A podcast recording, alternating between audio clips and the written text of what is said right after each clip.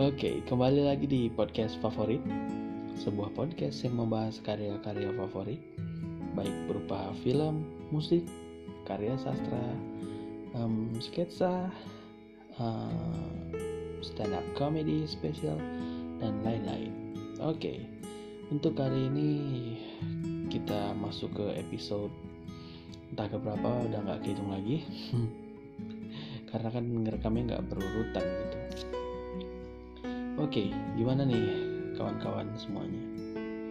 Masih nggak bosan-bosan aku tanya gimana um, produktivitas kalian selama masa-masa pandemi ini? Semoga nggak males-malesan aja ya di rumah ya kawan-kawan ya.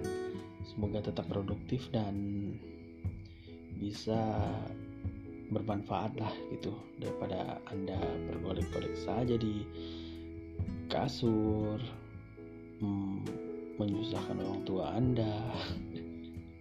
Oke, okay, um, untuk kali ini kita akan coba bacakan sebuah cerpen yang uh, merupakan karya favorit dari Emi, penulisnya sendiri. Jadi ini adalah sebuah cerpen yang ditulis Emi sudah lama dan sampai sekarang dia masih memfavoritkan cerpen ini begitu. Oke, um, aku akan bacakan ini sendiri. Judulnya adalah Cap Price Number 24 yang ditulis oleh Anissa Emi. Oke, um, semoga terhibur. Selamat menikmati. Cap Price 24 oleh Anissa Emi. Sebuah mimpi Kau Takdir yang tak berpihak pada cinta yang bisu. Setiap pagi Matahari adalah saksi antara tekad dan keinginan yang berada pada diri setiap manusia Menyambut dari berbagai mimpi yang tersemat di malam hari. Seperti pagi ini Ketika matahari telah menetap tetap di puncak langit Terlihat jalanan yang mulai riuh dengan kendaraan dan kaki-kaki yang saling berseberangan, turut menjadi penghias potret dari kesibukan dalam menggapai setiap keinginan dan mimpi. Sama sepertiku. Hari ini aku menyusuri kota dengan perlahan, memperhatikan kesibukan yang dimiliki setiap orang. Dengan kotak biola di tangan kananku, aku berniat menemui Mr. Jeb, Mr. Bennett untuk berlatih biola setiap harinya. Aku telah berlatih biola cukup lama, menghabiskan putaran waktu pada hal yang sama, menyusuri kota dan bertemu Mr. Bennett. Rutinitas yang sangat menyenangkan untukku. Aku menyukainya setiap cara bagaimana aku mewujudkan setiap keinginan dan mimpiku. Walau aku merasakan satu persatu dari mereka yang terlibat denganku mulai merasa bosan. Seperti saat ini, sebuah tatapan yang tak lagi ramah dari Mr. Bennett kepadaku. Masuklah. Mr. Bennett menyuruhku masuk dengan nada yang tak lagi hangat seperti dulu. Terima kasih. Aku tersenyum, kemudian masuk ke dalam rumahnya. Aku mulai mengeluarkan biolaku dan melihat di sudut sana Mr. Bennett sedang menyeduh teh dengan dua gelas di dekatnya. Minumlah. Mr. Bennett meletakkan segelas teh untukku. Terima kasih, ucapku. Alanza Beryl Liot Aku sangat mengerti keinginanmu yang begitu besar itu. Menjadi seorang virtuoso terkenal seperti Nicolo. Tapi aku hanya ingin mengatakan berhentilah. Kau tidak akan pernah bisa melakukan itu. Ucap Mr. Bennett kepadaku dengan tatapan meremehkan. Terkejut apa maksud perkataan Mr. Bennett? Mengapa dia bisa mengeluarkan kata-kata yang begitu menyakitkan? Perasaan sesak dan marah mulai terbentuk dalam hatiku. Aku tidak mengerti mengapa Anda dapat berkata seperti itu, Mr. Bennett, dan sungguh aku tidak menyangka Anda akan mengatakannya. Katakan padaku, apa alasan yang membuat Anda mengatakan itu? Aku menatap dalam Mr. Bennett berharap dia merasakan kekecewaanku. Baiklah, Aku akan mengatakan alasan yang membuatku mengatakan ini.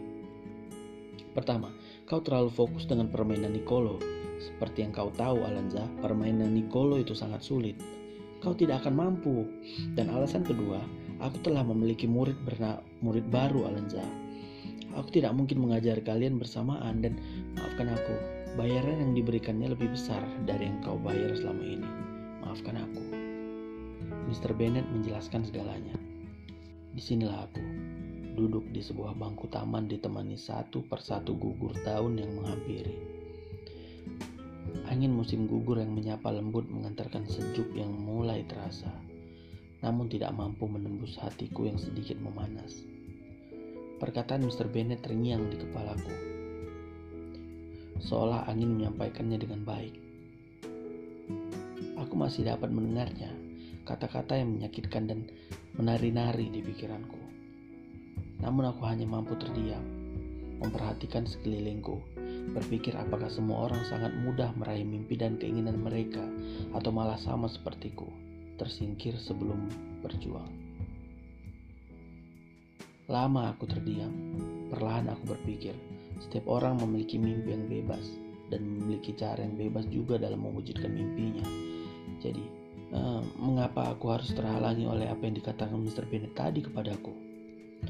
Aku mengambil biolaku dan perlahan menggesekkan setiap nada khas Nicolo yang sudah aku pahami.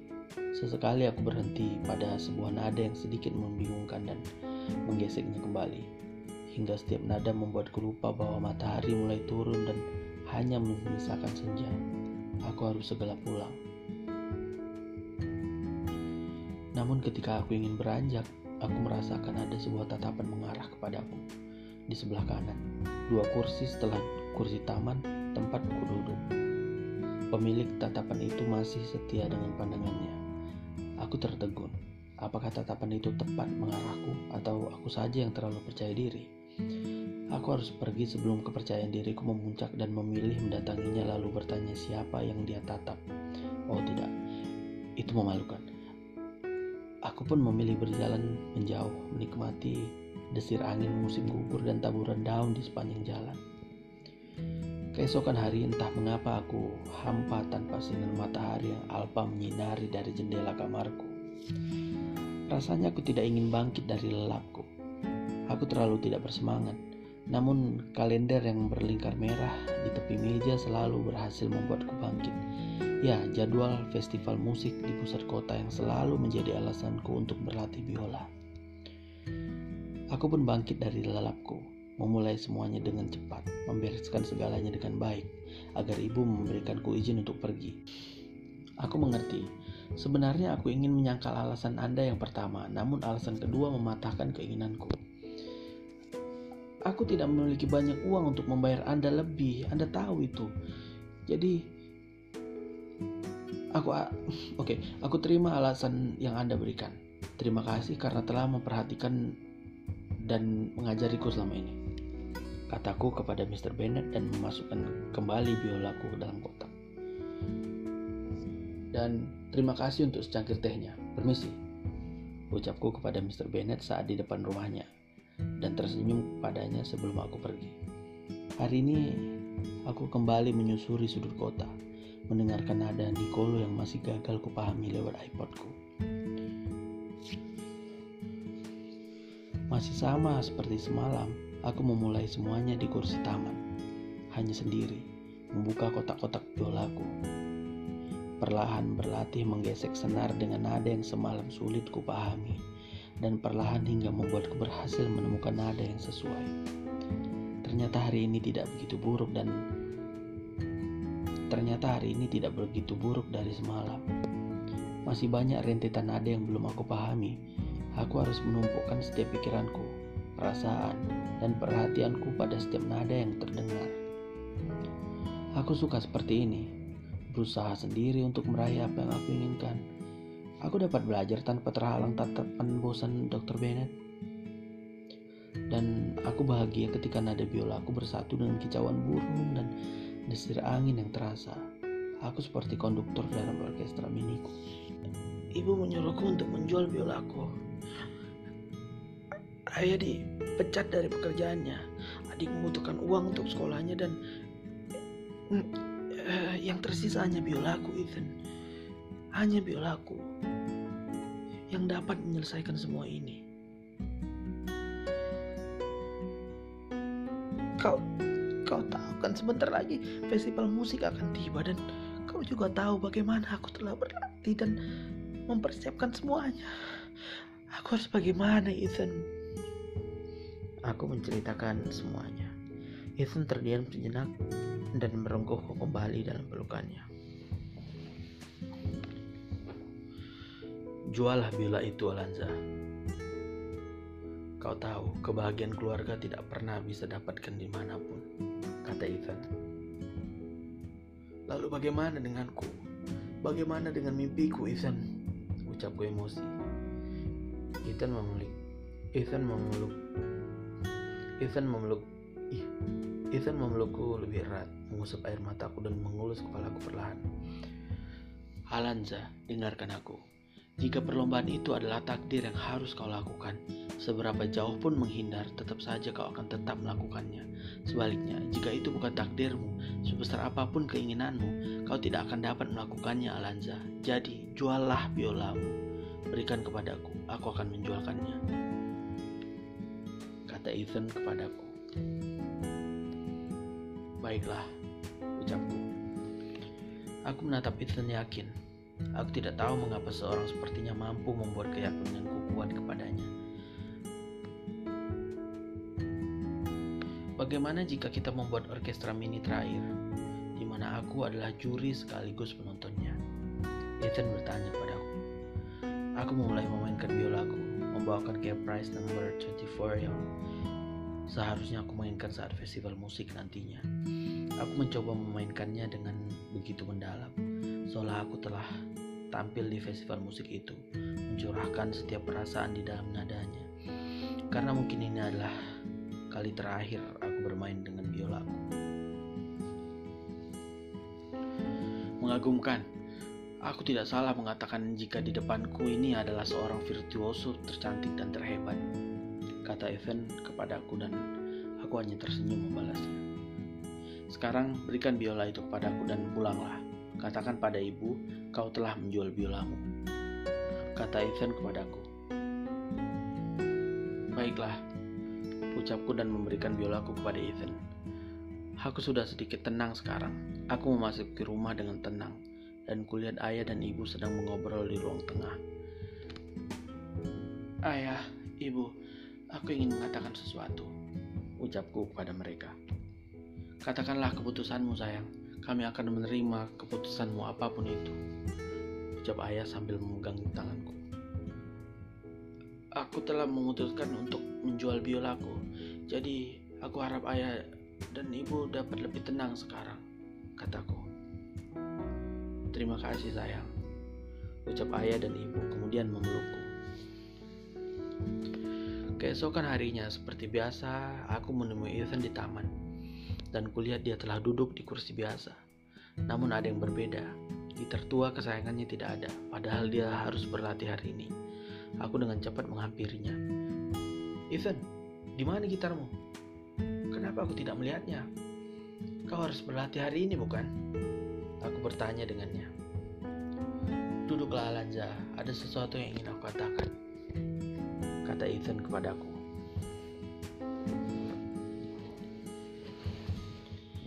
Kemudian Ethan mengambil sesuatu dari sampingnya, dan aku melihat sebuah kotak biola hitam, dan aku tahu betul itu kotak biolaku. Ada apa ini? Caprice number 24 in minor A, Nicole Paginini. Permainan yang mengagumkan, ucap seorang lelaki yang tiba menghampiriku. Aku menghentikan permainan biolaku melihat pemilik suara itu. Ternyata Pemilik suara itu adalah lelaki yang kutemui semalam. Namaku Ethan Johnson Arthur. Kau dapat memanggilku Ethan, lelaki yang duduk di kursi yang berseberangan denganmu semalam. Ucap lelaki itu memperkenalkan diri dengan tangannya yang berulur padaku. Aku Alanza Beryl Lloyd. Panggil saja Alanza, senang berkenalan denganmu. Aku membalas uluran tangannya sambil tersempul senyum. Apakah kau akan ikut sebuah perlombaan? Kulihat kau sangat serius berlatih. Ethan bertanya kepadaku. Ya, aku ingin ikut perlombaan. Apakah kau sudah mendengar festival musik di pusat kota bulan Desember nanti? Aku akan ikut perlombaan biola di sana. Aku menjawabnya. Kau ikut festival musik di pusat kota itu? Wah kebetulan sekali, aku juga ikut di festival itu. Tapi tenang saja, aku tidak ikut perlombaan biola tentunya. Aku mengambil perlombaan gitar. Dengan ini, kenalkan, kekasihku. Ethan menunjukkan sebuah gitar tua berwarna coklat yang kuyakini itu sangat mahal. Dan aku tertawa ketika mengingat Ethan memperkenalkan gitar itu sebagai kekasihnya. Hari ini kau yang harus berlatih, bukan aku. Aku hanya akan menemani dan menjadi pendengar setia orkestra mini virtuoso cantik di depanku ini. Ambillah, ucap Ethan padaku sambil menyerahkan kotak biola kepadaku. Aku merasakan air mataku mulai merambah. Aku senang, terharu, dan itu karena Ethan. Sekarang, katakan padaku, bagaimana kau mendapatkan biola ini kembali? Aku bertanya kepadanya. Ternyata gitar tua tidak cocok lagi denganku dan aku sudah merasa bosan bermain gitar. Jadi aku pikir aku tidak membutuhkannya lagi. Aku menjualnya dan menebus biolamu, kata Ethan. Aku tahu Ethan sangat menyayangi gitar tua itu. Aku menangis mendengar alasannya. Berikan uang ini untuk ayah. Semoga dapat membantu. Ucap Ethan menyerahkan amplop coklat padaku. Terima kasih Ethan. Aku tidak tahu harus bagaimana membalas segalanya. Aku membeli Ethan. Karenamu Ethan, aku bisa mewujudkan keinginanku untuk tampil di depan semua orang di festival musik itu. Dan hari ini aku kembali tampil membawakan instrumen yang sama di depan orang banyak. Baiklah Alanza, aku pikir kau dan aku harus butuh tempat yang leluasa.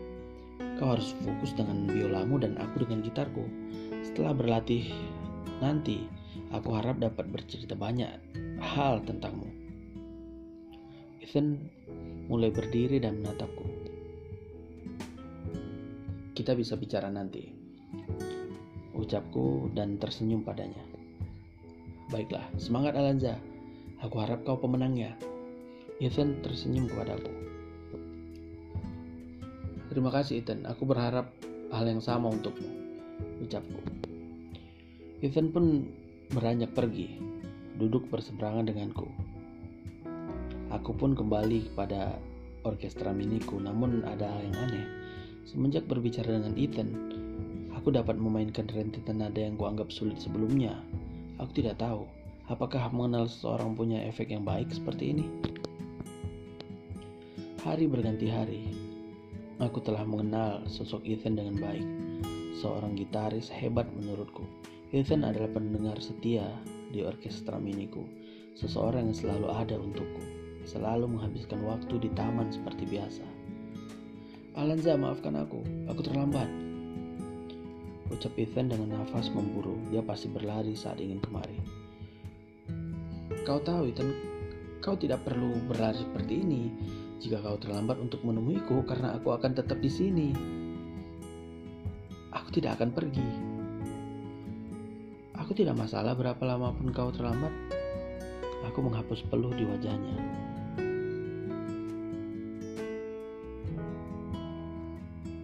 Aku membuatkan makanan kesukaanmu, waffle dengan sirup maple. Ethan membuka kotak bekal di depannya. Wah, itu pasti enak sekali. Ayo cepat Ethan, berikan padaku. Aku mengambil kotak bekal itu dan melihat susunan waffle yang begitu rapi. Ethan sangat berniat melakukannya. Kau tahu, ini waffle terenak yang pernah aku rasakan. Kau benar-benar hebat, Ethan. Mendekatlah, aku ingin memberikanmu sesuatu. Aku menarik Ethan dan dia mendekat lalu memeluknya.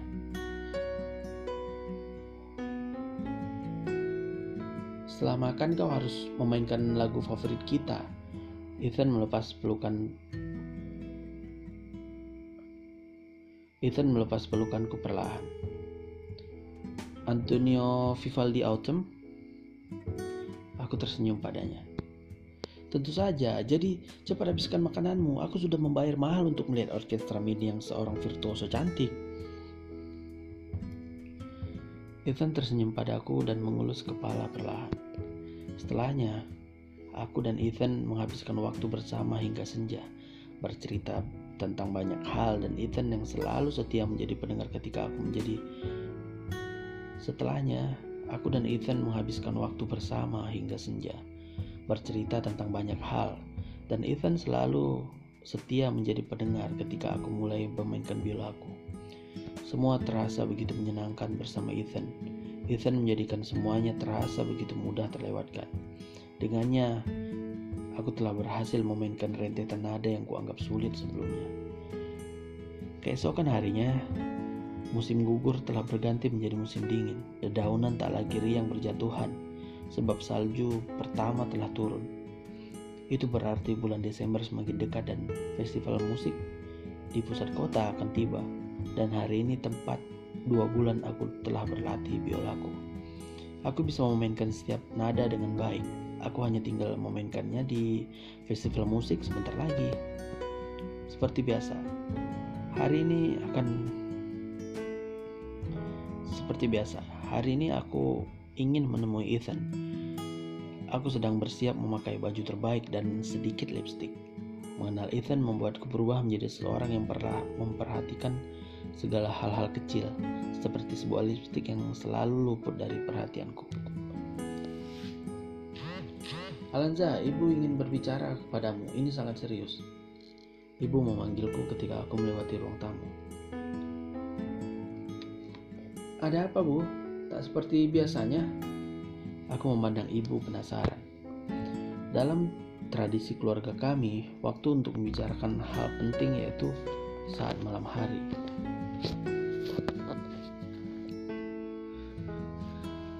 Sebab tidak akan mengganggu aktivitas. Tapi kali ini berbeda. Aku merasakan sesuatu telah terjadi. Seperti pagi ini, Ayah tidak memakai baju kerjanya dan ibu yang terlihat begitu pendiam hari ini. Kemarilah sayang, ibu memegang lenganku dan menyuruhku duduk di sampingnya. Ibu tahu Alanza, jika ibu mengatakan ini, ibu akan menjadi seorang ibu yang sangat buruk untukmu. Namun, ibu sangat terpaksa sayang. Ini demi keluarga kita, jadi ibu ingin kau mendengarkan ibu baik-baik. Ibu terlihat bimbang untuk berbicara, dan aku semakin merasakan ada sesuatu yang terjadi di keluarga kami.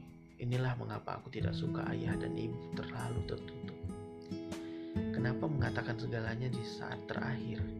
Ini membuatku takut untuk dapat menerima keadaan.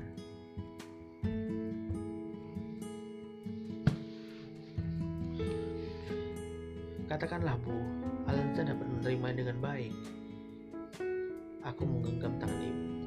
Sayang, sayang, semalam ayahmu dipecat dari pekerjaannya. Uang gaji terakhir ayahmu telah kita terima minggu lalu, yang membuat ibu sangat bersedih dan tidak tahu harus bagaimana. Adikmu membutuhkan uang untuk biaya sekolahnya. Kamu tahu kan sayang, kita tidak memiliki benda berharga apa pun untuk dijual. Jadi maafkan ibu untuk mengatakan hal ini sayang. Ah, bisakah kau menjual biolamu untuk keluarga kita? Ibu menggenggam tanganku erat. Aku masih terpaku.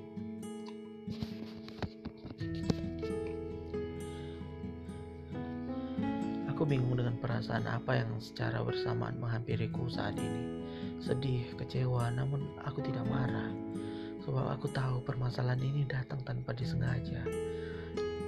Dan tidak mungkin ibu sengaja melakukannya Aku sedih sebab mengapa masalah ini harus datang ketika mimpiku sedikit lagi dapat kurai dan aku kecewa mengapa hanya tersisa biolaku untuk menyelesaikan permasalahan ini.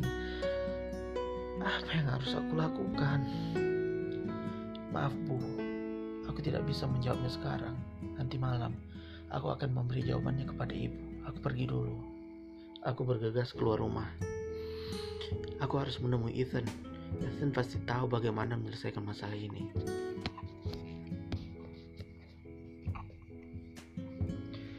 Di sepanjang jalan, tangis menjadi teman akrab. Padahal aku sudah lama tidak merasakan sedih seperti ini. Kecewa perasaan dominan di sepanjang jalan, tangis menjadi teman akrab. Padahal aku sudah lama tidak merasakan sedih seperti ini. Kecewa, perasaan dominan yang bertengger dalam hatiku. Aku merasa jalan untuk ke taman begitu jauh. Aku berlari, aku harus cepat menemui Ethan. Di ujung sana aku melihat Ethan yang sedang memetik senar gitarnya. Aku berlari. Aku tidak peduli. Aku memeluknya erat. Dia tampak menegang, terkejut dengan sikapku yang tak seperti biasanya. Alanza, tenanglah. Hentikan tangismu sebentar. Katakan padaku apa yang sedang terjadi. Ethan menghapus air mataku. Capers number 24. Setiap nada yang memiliki makna dirimu bagiku. Perlahan aku memainkan setiap senar biolaku. Nada tercipta dengan indah. Aku membawanya dengan perasaan yang begitu dalam setiap nada yang melukiskan kenangan-kenangan pertemuan kita tentang perhatianmu yang begitu mendalam yang aku yakini. Setiap wanita yang memiliki bukaan es di hatinya akan luluh dan memenuhi hatinya dengan cinta. Kepres number 24 kado dariku untuk acara sakralmu yang membuatku menyadari bahwa untuk pertama kalinya aku merasakan sakit dari setiap nada yang terdengar membuatku enggan untuk memainkannya dan nada terakhir yang membuatku harus membuka mata. Melihat kenyataan jika realita tidak pernah sinkron dengan harapan. Aku terlalu bisu menyampaikan hingga menerima takdir. Jika di depan sana lelaki bertuxedo hitam dengan gagahnya telah mengikat janji sakral.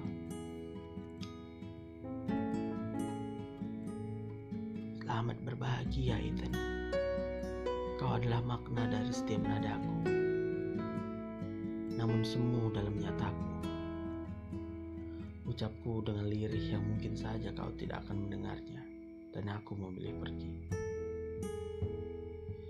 Seharusnya aku tidak berada di sini, Alanza. Seharusnya aku berada di mana hatiku berada. Di taman, berdua denganmu seperti biasa. Mendengarkan cerita-ceritamu tentang segala hal dan mendengarkan musik favorit kita bersama. Lelaki itu berkata lirih. Tamat.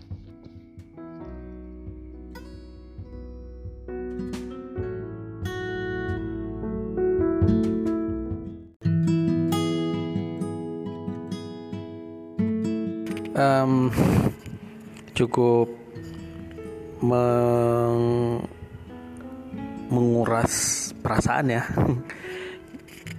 ini emang emang dalam sih pesannya yang mana hmm, jangan coba-coba takut untuk menyatakan perasaan kita gitu.